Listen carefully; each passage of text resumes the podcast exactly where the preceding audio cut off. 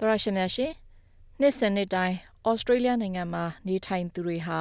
အလောက်အကင်အတွက်ပညာရေးအတွက်နေထိုင်မှုဘဝပုံစံမိသားစုအရေးသို့မဟုတ်ပိုကောင်းမွန်တဲ့လူမှုအတိုင်းဝိုင်းအတွက်တခြားပြည်နယ်ကိုရွှေ့ပြောင်းနေထိုင်တာမျိုးလုပ်ကြရပါတယ်။ဩစတြေးလျနိုင်ငံမှာပြည်내အလိုက်ဒေသအလိုက်စီမင်းစည်းကမ်းတွေဥပဒေတွေနဲ့ဝန်ဆောင်မှုတွေကွာခြားနိုင်တဲ့အတွက် မိမိအနေနဲ့ပြည်နယ်မပြောင်းခင်မှာဘာတွေလိုအပ်မလဲဆိုတာသိထားရင်ရွှေ့ပြောင်းမှုလုပ်တဲ့အခါပို့ပြီးတော့အဆင်ပြေချောမွေ့မှာဖြစ်ပါတယ်။ဩစတြေးလျနိုင်ငံမှာ လက်ရှိနေထိုင်ရာပြည်နယ်ကနေတခြားပြည်နယ်တစ်ခုကိုရွှေ့ပြောင်းနေထိုင်သူတွေများပြားလာနေသလိုပြည်ပကနေမွေးဖွားသူတွေဟာလည်းဩစတြေးလျနိုင်ငံမှာမွေးဖွားသူတွေထက်ဆိုင်ရင်ပြည်နယ်ပြောင်းရွှေ့မှုပိုလုပ်ကြတဲ့အကြောင်းဩစတြေးလျနိုင်ငံစီးရင်အင်းဌာန Australian Bureau of Statistics ကတွေ့ရှိထားပါတယ်။နိုင်ငံသစ်တစ်ခုကိုပြောင်းရွှေ့အခြေချနေထိုင်တဲ့အခါမှာအတိအကျဖြစ်အောင်အများကြီးစူးစမ်းလှုပ်ဆောင်ရမှာဖြစ်ပါတယ်။ ကိုရောက်ရှိတဲ့နိုင်ငံအသစ်မှာပဲတခြားပြည်နယ်ကိုထပ်ပြီးတော့ရွှေ့မယ်ဆိုရင်လည်းနောက်တစ်ကြိမ်ထပ်ပြီးတော့အခြေချမှုကိုလုပ်ရတာလည်းဖြစ်ပါတယ်။ဩစတြေးလျနိုင်ငံနဲ့အသစ်ရောက်လာတဲ့လူတွေအခြေချနေထိုင်ရေးအတွက်ဝန်ဆောင်မှုပေးတဲ့ AMES Australia အဖွဲ့က Laurie Nowell ရဲ့အဆိုအရပြည်내ပြောင်းတဲ့အခါမှာဩစတြေးလျနိုင်ငံကိုစတင်ပြောင်းလာဖို့လှုံ့ဆော်ရသလိုပဲ အသည့်ပြန်စတင်လှုပ်ဆောင်ရတာဖြစ်တယ်လို့ပြောဆိုလိုက်ပါတယ်။ Australia is a federal nation, so all of the states have different systems, services and laws. So many of the things that migrants have arranged when they first arrive in Australia in one of the states probably need to be arranged again when they move into Australia နိုင်ငံဟာ Federal နိုင်ငံဖြစ်ပါတယ်။အဲဒါကြောင့်ပြည်내တိုင်းမှာမတူညီတဲ့စနစ်တွေမတူညီတဲ့ဝန်ဆောင်မှုနဲ့ဥပဒေအသီးသီးတွေရှိကြပါတယ်။ ပြည်ပကနေရွှေ့ပြောင်းနေထိုင်တဲ့လူတွေဩစတြေးလျနိုင်ငံကပြည်내တစ်ခုစီကိုမပြောင်းလာခင်မှာစီစဉ်လှုပ်ဆောင်ရတာတွေရှိပါတယ်။အဲ့ဒီတော့ပြည်내တစ်ခုကိုပြောင်းမယ်ဆိုရင်လည်းအဲ့ဒီလိုလှုပ်ဆောင်ခဲ့ဖူးတဲ့အရာတွေကိုပြန်လည်လှုပ်ဆောင်ရမှာဖြစ်တယ်လို့ရှင်းပြထားပါတယ်။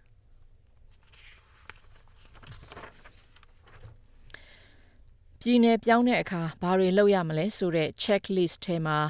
မိမိရဲ့လိပ်စာအသစ်ကို အစိုးရဌာနအားလုံးကိုအသိပေးဖို့လိုအပ်တယ်လို့မိမိရဲ့ဘဏ်သွာလာရေးဌာနနဲ့တခြားဝန်ဆောင်မှုပေးတဲ့ဌာနတွေကိုပါအသိပေးရမှာဖြစ်ပါတယ်။အိမ်ပြောင်းတဲ့ကိစ္စတွေပြည်내ပြောင်းတဲ့ကိစ္စအများစုကိုအွန်လိုင်းကနေတဆင့်လုပ်နိုင်တယ်လို့လည်း Mr. Noel ကပြောပါတယ်။ Firstly, and probably most obviously, there's the change of address. People need to change their addresses, and, and not just for their friends, but maybe you know, with their bank, maybe with Centrelink if they're receiving some sort of payment. If they're on a particular visa, it may require that the immigration department um, are informed of the new address. Medicare needs to know of your current address. ပထမဦးဆုံးအနေနဲ့အတိအသာဆုံးလှုပ်ဆောင်ရမယ့်တစ်ခုကတော့အိမ်လိပ်စာပြောင်းချက်မဲ့ဖြစ်ပါတယ်။အိမ်လိပ်စာပြောင်းတဲ့ကိစ္စကိုမိတ်ဆွေတငယ်ချင်းတွေကိုအသိပေးရုံသာမကဘဏ်တွေကိုအသိပေးရမှာဖြစ်တယ်လို့အစိုးရစီကနေထောက်ပံ့ကြေးရမယ်ဆိုရင်လည်း Center Link ကိုအသိပေးရမှာဖြစ်ပါတယ်။မိမိရဲ့ဗီဇာအမျိုးအစားပေါ်မူတည်ပြီးမိမိရဲ့လိပ်စာအသစ်ကိုလူဝင်မှုကြီးကြပ်ရေးဝန်ကြီးဌာနကိုအသိပေးရတာမျိုးလဲလုပ်ရနိုင်ပါတယ်။ Medicare ကလည်းတင်းနေထိုင်ရာနေရာရဲ့လိပ်စာကိုသိရမှာဖြစ်ပါတယ်။ဒါကလူတိုင်းအတွက်ပါပဲ။မိမိရဲ့လိပ်စာအဟောင်းမှာစာလာခဲ့ရင်လဲလိပ်စာအသစ်စီပို့ပေးနိုင်အောင်လဲလှုပ်ဆောင်ထားနိုင်တယ်လို့ပြောဆိုထားပါတယ်။ ဖလာဘီတာကာဟာအိန္ဒိယနိုင်ငံကနေစားရောက်ခါစားတော့ကဆစ်ဒနီမြို့မှာနေထိုင်ခဲ့ပေမဲ့လည်းအလောက်ကန်အခွင့်အလမ်းကြောင့်မဲလ်ဘန်မြို့ကိုရွှေ့ပြောင်းနေထိုင်သူဖြစ်ပါတယ်။ပြည်내ပြောင်းတဲ့အခါမှာတအံ့တအောကြီးမဖြစ်ရအောင်အဲ့ဒီလိုရွှေ့ပြောင်းဖို့အတွက်ဘတ်ဂျက်ငွေတွေချမှတ်ထားဖို့လဲသူမကအကြံပြုထားပါတယ်။ Since it was a big move from one state to another, it was important to have a budget in mind uh, when it comes to moving. We spent around $10,000 on this ပြည်နယ်တစ်ခုကနေနောက်တစ်ခုကိုရွှေ့ပြောင်းနေဆိုတာကြီးမားတဲ့ပြောင်းရွှေ့မှုဖြစ်လို့ဘတ်ဂျက်ကဘယ်လောက်ဖြစ်တဲ့လဲဆိုတာကိုလည်းထည့်တွက်ရမှာဖြစ်ပါတယ်။ကျမတို့တော့ကအဲ့ဒီလိုပြောင်းလာဖို့အတွက်ဒေါ်လာ1000သုံးစွဲခဲ့ရပါတယ်။တခါတလေကျရင် ကျမတို့တွေ ဘတ်ဂျက်ကိုအရေးတကြီးမထားတတ်ကြပါဘူးဒါပေမဲ့တကယ်တော့ဘတ်ဂျက်ဟာအရေးကြီးတဲ့အရာဖြစ်တယ်လို့ပြောဆိုလိုက်ပါတယ်ပြည်내တိုင်းအထူးဒေသတိုင်းမှာသူ့စီမင်းစည်းကမ်းနဲ့သူသူ့ဥပဒေနဲ့သူရှိပါတယ်အထူးသဖြင့်ကာမပုံတင်တွေ driver license စနစ်တွေမှာလည်းမတူညီကြတဲ့အတွက်အဲ့ဒီလိုစာရွက်စာတမ်းတွေကိုလည်းကြိုတင်ပြင်ဆင်ပြောင်းလဲထားရမှာဖြစ်ဖြစ်ပြီးအဲ့ဒီလိုလှုပ်ဆောင်ရမှာကုန်ကြစရိတ်တချို့ရှိတယ်လို့လည်းပြောပါတယ်။ Obviously, you also need to change your driver's license, and most states offer you about three months to do that. And speaking of transport, obviously the road rules are different in each state. Victoria is particularly unique because of a number of trams that are on the road. So it's worth finding out about the you know particular တေချာရာက driver license ကိုလည်းပြောင်းလဲဖို့လိုအပ်ပါတယ်။ပြည်내အများစုမှာတော့အဲ့ဒီလိုပြောင်းလဲဖို့အချိန်3လပေးတတ်ပါတယ်။သွာလာရေးလို့ပြောတဲ့အခါမှာပြည်내တစ်ခုချင်းစီမှာလည်းလမ်းစည်းကမ်းတွေမတူညီကြပါဘူး။ဗီတိုးရီးယားပြည်နယ်ရဲ့လမ်းစည်းကမ်းကတခြားပြည်နယ်ထက်ပိုပြီးတော့တမှုထူးခြားမှုရှိပါတယ်။အကြောင်းရင်းကတော့လမ်းပေါ်မှာ tram တွေပြေးဆွဲမှုများတဲ့အတွက်ဖြစ်ပါတယ်။အဲ့ဒီတော့ကိုသွားမဲ့နေရာရဲ့လမ်းစည်းကမ်းကိုလည်းလေးလာထားသင့်ပါတယ်။အများပြည်သူသွားလာရေးရင်စနစ်ဟာလည်းမတူညီကြပါဘူး။လက်မအသုံးပြုပုံအသုံးပြုနည်းတွေလည်းကွာခြားသလိုသွာလာရေးဝန်ဆောင်မှုတွေကလည်းပြည်내တစ်ခုမှာပိုပြီးတော့ကောင်းနေတတ်တာမျိုးဖြစ်တတ်တယ်လို့ရှင်းပြထားပါတယ်။ဩစတြေးလျနိုင်ငံမှာနိုင်ငံသားဖြစ်သူတိုင်းမဖြစ်မနေမဲပေးကြရမယ့်စနစ်ရှိပါတယ်။ အဲဒါကြောင့်ပြည်နယ်ပြောင်းတာပဲဖြစ်ဖြစ်တခြားအိမ်ပြောင်းတာပဲဖြစ်ဖြစ်အိမ်ပြောင်းတဲ့အခါတိုင်းမိမိရဲ့အိမ်လိပ်စာအစ်စ်ကိုမဲစရင်ရုံးကိုအတိပေးရမှာဖြစ်ပါတယ်။အဲဒီလိုမလုပ်ထားရင်တော့မိမိရဲ့နာမည်ကိုမဲစရင်ကနေပယ်ဖြတ်ထားလို့မဲပေးခွင့်မရတာမျိုးဖြစ်နိုင်ပါတယ်။မဲစည်းရုံးကနေလိပ်စာအသစ်ပေးနိုင်ဖို့အတွက်နီလန်တစ်ခုထက်မကထားရှိပေးထားတယ်လို့လည်း Mr. Noel ကပြောပါတယ် You probably need to inform the Australian Electoral Commission of, of your move, and then when you reach the new state, you need to enrol in that state to be able to vote. Technically, it's compulsory to vote. You know, you can be fined if you don't you know, enroll when you're မဲစည်းရုံးကိုအတိပေးတင်ပါတယ်။ပြည်내အစ်စ်ကိုရောက်သွားတဲ့အခါမှာလဲမဲပေးခွင့်ရဖို့အတွက်အဲ့ဒီပြည်နယ်မှာမဲစည်းရင်သွင်းထားတင်ပါတယ်မဲကိုမဖြစ်မနေပေးရမယ်စနစ်ရှိပါတယ်အဲ့ဒါကြောင့်ကိုမှမဲပေးပိုင်ခွင့်ရှိရတာနဲ့ မဲမပေးဘဲနေမယ်ဆိုရင်ဒဏ်ကြေးဆောင်ရနိုင်တယ်လို့ပြောပါတယ်ဩစတြေးလျနိုင်ငံကဘယ်နေရာမှာပဲနေနေဘယ်အကြောင်းပဲတက်တဲ့နိုင်ငံတော်ဆိုင်ရာတင်ယုံညွန်းနှံပြဋ္ဌာန်းထားတာရှိပါတယ်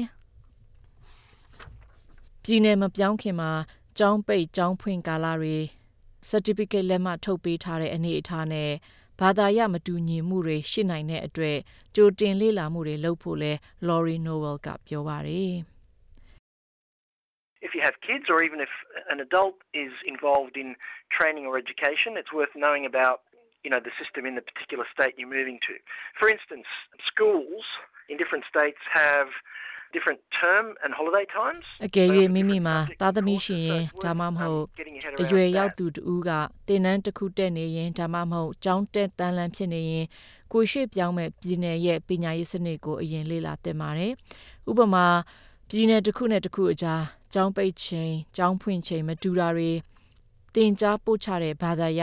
မတူညီတာမျိုးရှိနိုင်တဲ့အတွက်ကြိုတင်လေ့လာမှုလုပ်တဲ့နယ်လို့ပြောဆိုထားပါတယ်။ Pallavi Thakur က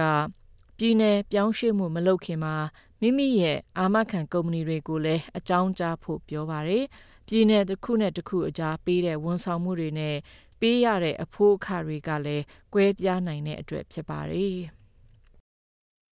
We realized that the insurance company, the health insurance, charge more because of the Victorian laws and regulations. You need to check all your providers who are operating in one state whether they are able to give you the same in the other state ကျမတို့သိလိုက်ရတာကတော့ insurance company ဒီကျမရေးအာမခံဆိုရင် Victoria ပြည်နယ်ရဲ့ဥပဒေနဲ့စီးမြင်တွေကြောင့်ပို့ပြီးတော့ဈေးများတယ်ဆိုတာသိရပါတယ်ပြီးတော့ကိုယ့်ရဲ့ကုမ္ပဏီကဘယ်ပြည်နယ်မှာ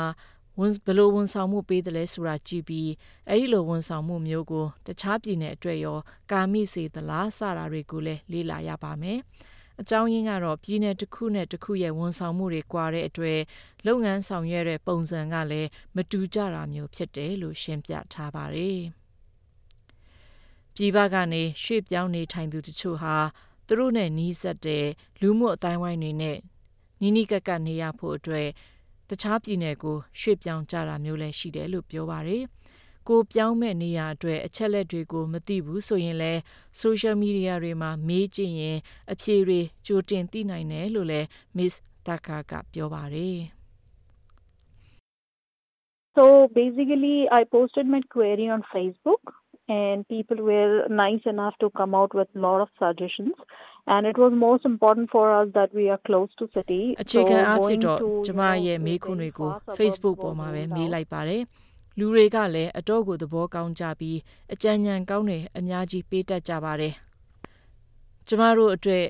မြို့လယ်နဲ့နီးတဲ့နေရာမှာနေဖို့ကအရေးကြီးတဲ့အတွက်လူတွေကိုအကြံဉာဏ်တောင်းကြည့်ပြီးတော့မြို့နဲ့ဝေးတဲ့ရက်ွက်တွေကိုသိရတဲ့အခါမှာအဲ့ဒီနေရာတွေကိုဘေးဖယ်ထားလိုက်တာမျိုးတွေလုံနိုင်ခဲ့တယ်လို့ပြောပါတယ်။ ဒီလိုလူမှုအတိုင်းအဝိုင်းဖိုရမ်တွေတာမကအခြေချနေထိုင်ခြင်းဝန်ဆောင်မှုပေးတဲ့အဖွဲ့အပြင် Migrant Resource Centers တွေကလည်းအကူအညီပေးနိုင်တယ်လို့ Mr. Noel ကပြောပါတယ်။ Government has a uh, translation and interpreter service that's available and free to people. That's also accessible online. And if you approach local migrant resource centres or organis- organisations like AIMS in, in အစိုး Victoria, ရ they က can help you ဘာသာ with ပြန် the တဲ့ issues. စကားပြန်ဝန်ဆောင်မှုတွေပေးထားပြီးလူတွေအတွက်အခမဲ့လှုပ်ဆောင်ပေးထားတာပါအဲ့ဒါတွေကို online ကနေတစ်ဆင့်လဲဝန်ဆောင်မှုရယူနိုင်ပါတယ် Migrant Resource Center လို့နေရာမှာ